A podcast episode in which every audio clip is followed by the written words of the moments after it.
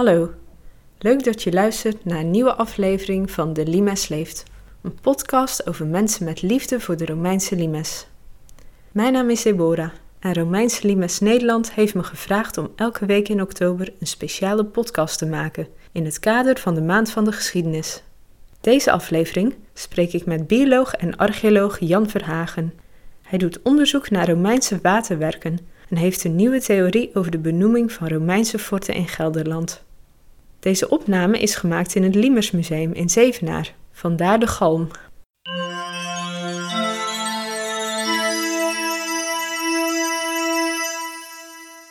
Ik ben Jan Verhagen, ik ben uh, bioloog en archeoloog. En ik houd me op dit moment bezig met onderzoek naar de Romeinse waterwerken in uh, de Rijn-Maas-delta. Dat is ook de titel van het proefschrift wat ik binnenkort hoop te voltooien. En dat heeft vooral betrekking op de infrastructuur die de Romeinen hadden gecreëerd in de delta door kanalen aan te leggen, door dammen te maken waarmee ze de waterverdeling konden beïnvloeden en door faciliteiten als havens en kadewerken, waardoor het riviernetwerk in zijn natuurlijke situatie werd uitgebreid tot een transportnetwerk voor goederen en personen over het water. Nu vertelde je net dat je bioloog bent en archeoloog. Kun je een beetje over die achtergrond vertellen hoe je de archeologie bent ingerold?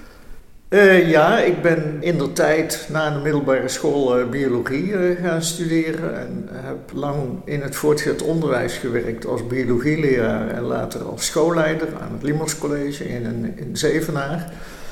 Via een vriend van mij ben ik met de archeologie in aanraking gekomen doordat we bij hem in de tuin een Romeinse bronzen haarnaald vonden, wat bijzonder onze interesse wekte.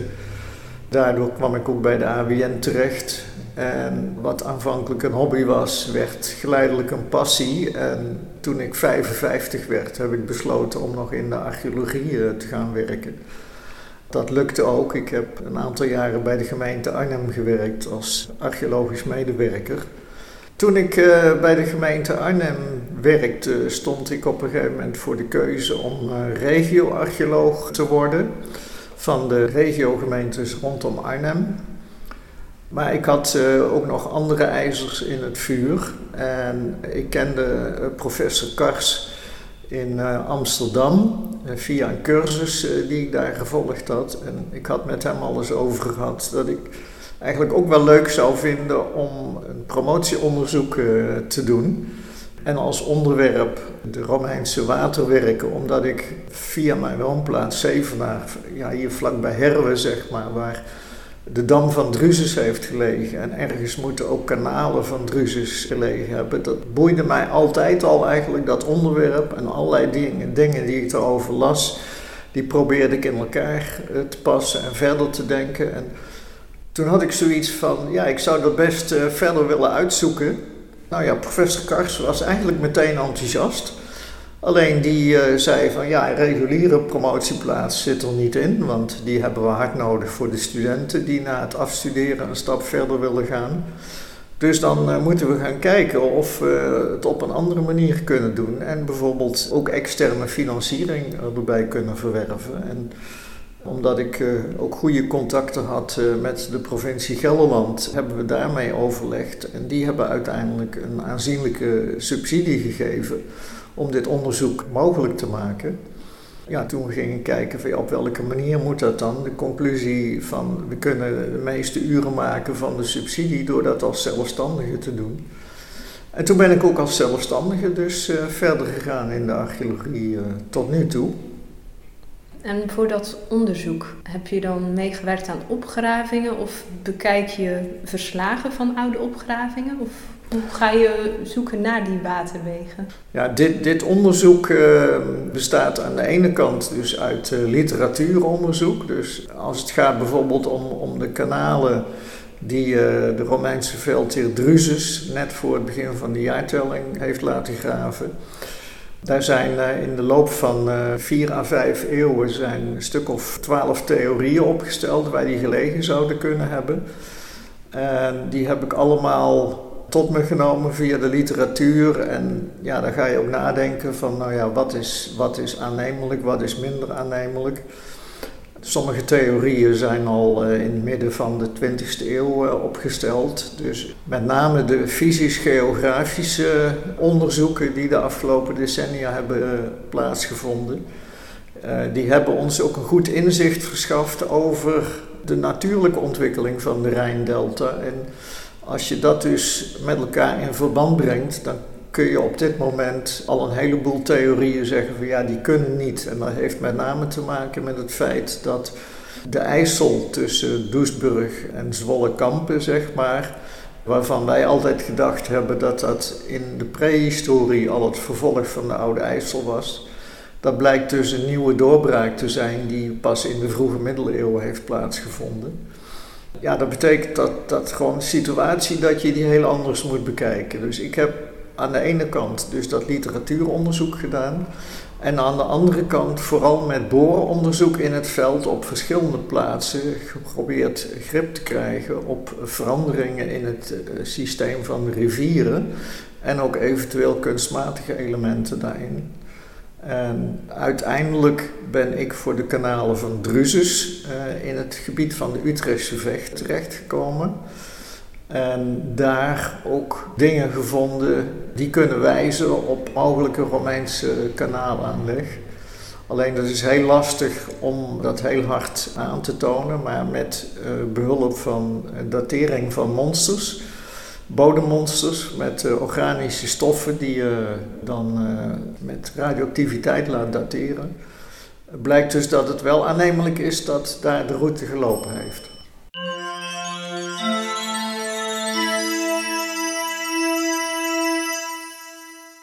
Waar ik ook wel benieuwd naar ben, waarom groef Drusus of liet hij zo'n kanaal graven? Het doel uh, van dat kanaal of kanalen, daar is ook discussie over. Want er zijn uh, twee Romeinse vermeldingen, de een in enkelvoud en de ander in meervoud. Maar ik zit op de lijn van het meervoud. Maar de bedoeling was om via die kanalen dus troepen naar Noord-Germanië te transporteren met schepen om langs de Eems, de Wezer en de Elbe vanaf de Waddenzee, zeg maar, ook Germanië binnen te vallen. Dus Drusus had een soort tangbeweging als strategie. Dus aan de ene kant bij Nijmegen, Xanten en dergelijke troepen gewoon de Rijn laten oversteken en via land dus Germanië intrekken. Alleen over land schiet het niet zo hard op. Een dagmars uh, 30 kilometer, dan heb je het al wel gehad, denk ik. Terwijl via eh, schepen kun je troepen veel sneller uh, transporteren. Alleen het probleem was dat er geen natuurlijke verbinding was toen tussen het Rijnsysteem en de Noord-Duitse rivieren, de Waddenzee. En de Romeinen wilden niet over de volle zee uh, varen vanwege de risico's. Dus hebben op een of andere manier hebben ze een verbinding tussen de Rijn en de Waddenzee gecreëerd. En omdat de IJssel tussen Doesburg en Zutphen dus niet bestond in die tijd, kom ik erop uit dat ze de natuurlijke vecht, die eigenlijk onbevaarbaar was kort voor de Romeinse tijd, dat ze die opgewaardeerd hebben met het aanleg van kanalen om op die manier dus een verbindingsroute uh, richting de Waddenzee te maken. En dan konden ze met schepen konden ze vanaf Rijn in twee dagen bij de ingang van de Noord-Duitse rivieren zijn. Nou, nu wordt heel vaak gebruik gemaakt, ook voor de forten langs de Limes bijvoorbeeld, uh, wordt de Peutinger kaart gebruikt. Staan daar alleen de rivieren op of zou daar ook zo'n kanaal op staan? Er staan uh, geen kanalen op. De kaart is ook zuinig met het intekenen van rivieren, want de Rijn staat er wel uh, opgetekend, maar de Waal bijvoorbeeld niet. Terwijl de Maas er weer wel op staat. Maar er ontbreken ook rivieren verder naar het zuiden toe. Dus je kunt van die rivieren eigenlijk niet zozeer op aan. Het was dan ook meer een reiskaart voor reizen via de Romeinse wegen. En ja, de wegen, de hoofdwegen staan erop ingetekend als verbindingslijntjes tussen plaatsen, waarbij ook afstanden vermeld zijn. Nu is die Peutinger kaart is wel gebruikt voor een groot deel van de limes. Zeker in Zuid-Holland en Utrecht zijn toch al behoorlijk wat forten bekend ondertussen, die dan gekoppeld zijn met de naam op de Peutingerkaart. In Gelderland is dat wat lastiger geweest tot nu toe. Ja. Uh, daar heb je volgens mij ook wat onderzoek naar gedaan. Ja, eigenlijk is het een beetje een zijspoor van mijn onderzoek. Hè, want het gaat dan over afstanden over land, terwijl mijn onderwerp de waterwerken is. Maar sowieso geldt dat de forten, Romeinse forten, de castella uh, langs de Rijn, die dienen om met name de transportinfrastructuur om die te beveiligen. Uh, dus heeft wel degelijk te maken met het uh, transport over het water. En je ziet dat eigenlijk pas later dat de verbindingen over land tussen die forten echt aangelegd worden.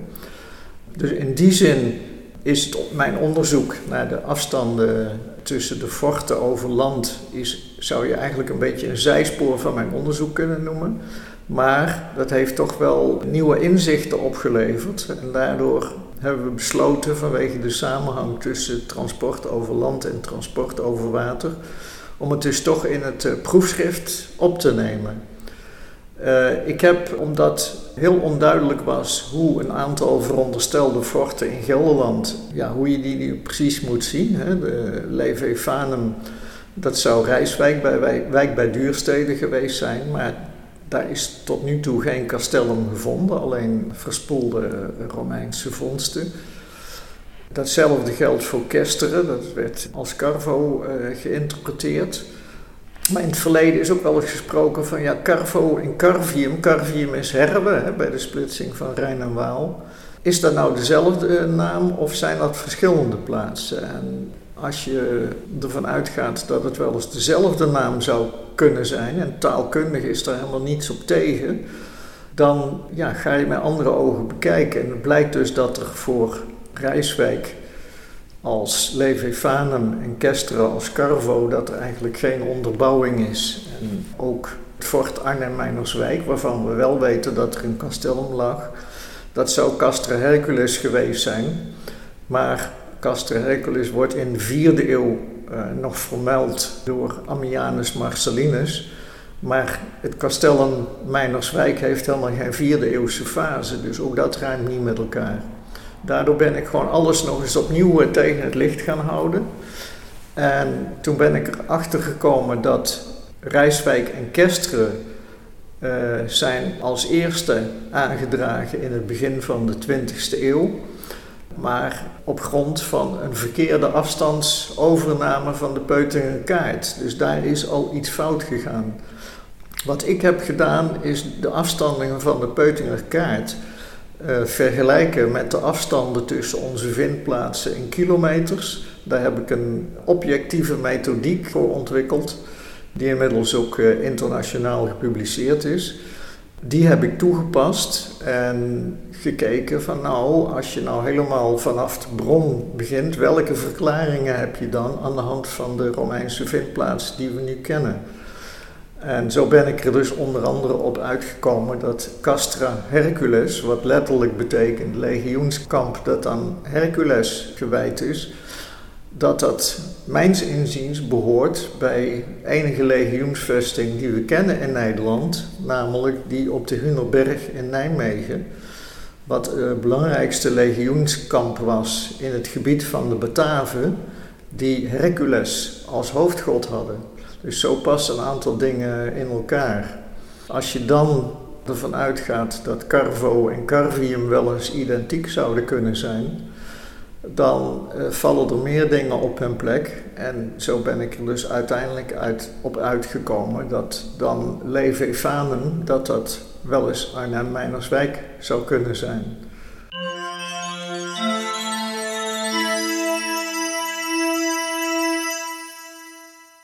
en Carvium bij Hermen. Daar is dus echt iets gevonden wat die naam heeft, een inscriptie of zo. Dat je weet dat dat in ja. het Carvium werd genoemd. De grafsteen van Marcus Mallius, waarop de naam Carvio ad Molem, dus herre bij de dam van Drusus, uh, vermeld staat. Uh, die ligt in het museum het Valkhof in Nijmegen. Op het gemeentehuis in Lobit van de oude gemeente Rijnwaarde eh, werd altijd een kopie bewaard. En die hebben we nu in bruikleen gekregen. Het Liemers Museum gaat binnenkort verhuizen naar hal 12, waar ook het gemeentehuis van de gemeente Zevenaar is gevestigd. En daar zijn we van plan die kopie eh, in de expositie op te nemen. Die Dam van Drusus, wat voor functie had dat? Uh, de Dam van Drusus, daarvan weten we dat die, uh, de bouw daarvan is begonnen onder Drusus, dus ongeveer 12 voor Christus. Er zijn een paar vermeldingen bij de geschiedschrijvers. En een van de vermeldingen is dat hij uh, bij de Bataafse opstand in 70 na Christus wordt verwoest door de Bataven en hun uh, bondgenoten. En het effect van die verwoesting is dat er meer water door de Rijntak aan de Gallische kant ging stromen, dat is dus de Waal, dan door de Rijntak aan de Germaanse kant, dat is dus de Nederrijn. En wel zodanig dat de Betuwe en Germanië aaneengesloten land leken. Dus daaruit kan je afleiden dat hij dan bedoeld was om meer water de Nederrijn in te sturen ten opzichte van, uh, van de Waal. En ik kom in mijn proefschrift dus tot de conclusie dat dat meerdere water nodig was om een goede vaarroute via de Nederrijn en de kanalen in het vechtgebied te creëren door ja, daar een soort uh, vrijstromende rivier van, uh, van te maken. Dat, dat is dus het effect wat Drusus in mijn ogen uh, beoogd heeft met al deze werken, die dus verband met elkaar houden. Voor de UNESCO-nominatie van de Romeinse limes en dan de vindplaats Herwe heb ik een bureauonderzoek opgesteld waarbij ik uh, een overzicht heb geschreven van alle vondsten die, ja, die bekend zijn uh, en ook alle relevante literatuur verzameld. De zandwinning heeft gelopen van 1927 tot 1963 en daarbij is uh, ontzettend veel naar boven gehaald. Ook veel militaria, wat er dus echt op wijst dat er sprake was van een militaire post. Militaria zijn uh, gebruiksvoorwerpen die militair zijn. Dus denk, denk bijvoorbeeld aan lanspunten, pijlpunten, paardentuig, ook zeg maar wat met ruiterij uh, te maken heeft. Maar ook uh, heel veel bouwfragmenten waaruit we kunnen afleiden dat er niet zomaar een, een gestaan heeft, maar dat er echt sprake moet zijn van een verspoeld castellum. Dus ja, daar is ontzettend veel uh, gevonden. En ook bijvoorbeeld een, een uh, flink bouwfragment ja, met versieringen erop, zeg maar gebeeldhouwd. Waaruit je kunt afleiden dat dat dus een deel van een tempel of een hoofdgebouw moet zijn geweest. Dus we kunnen er eigenlijk niet omheen dan dat hier echt een castellum uh, gelegen moet hebben. Je bent nu bezig met een afronding wel van het onderzoek. Wat wil je er uiteindelijk mee bereiken? Uh, ja, het belangrijkste is natuurlijk dat mijn bevindingen dat die beschikbaar komen eh, voor de wetenschap. Dus het proefschrift op zich zal natuurlijk die functie vervullen. Omdat kanalen uh, niet op alle plaatsen in het Romeinse Rijk zijn aangelegd. En dat betekent dus dat men vaak ook in eigen land geen vergelijkbare voorbeelden kan vinden. En daarom wil ik ook dat mijn proefschrift ook in het Engels beschikbaar is voor onderzoekers uit andere landen die in hun eigen land bezig zijn om ook iets dergelijks uh, te onderzoeken. Dus de transportinfrastructuur over water. Maar aan de andere kant is het natuurlijk ook mooi als het publiek daar verder kennis van neemt. Ik heb onlangs al een, uh, een, eerste presentatie van de resultaten gegeven in een lezing als een soort uh, try-out. Maar wat ik ook belangrijk vind, is dat op een of andere manier bij Herwe, ja, het Romeinse verleden wat zich daar heeft afgespeeld, met, met, met name de dam van Drusus, uh, dat dat beleefbaar wordt voor het grote publiek. En we hebben in West-Nederland al een aantal mooie voorbeelden van hoe die plekken van die castella dus beleefbaar kunnen worden gemaakt. In Gelderland hebben we nog niet zoveel. We hebben in Meinerswijk hebben we een uh, beperkte reconstructie van de grondslagen van het castellum. In Nijmegen hebben we dan wat dingen, maar het zou mooi zijn als we ook bij Herwe iets kunnen realiseren wat dan met name gekoppeld is aan wat specifiek is voor deze plaats, namelijk de Dam van Drusus. En dat daar in feite de geschiedenis van het Nederlandse watermanagement is begonnen. Uh, we zijn dan ook al met een aantal mensen bezig om een project 2000 jaar watermanagement in de Limers als thema, zeg maar, ja, voor iets beleefbaars voor het publiek uh, te kiezen. Dus uh, er is nog werk aan de winkel.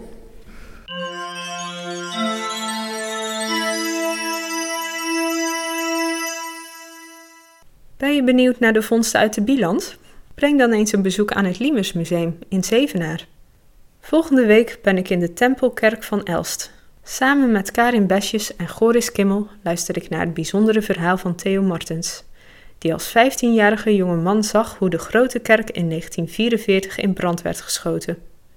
Door de brand was het mogelijk om na de oorlog archeologisch onderzoek te doen naar vroegere kerken. Karin en Goris vertellen over de Romeinse tempels die daarbij zijn teruggevonden. Luister dus volgende week naar deze speciale aflevering van De Limes Leeft.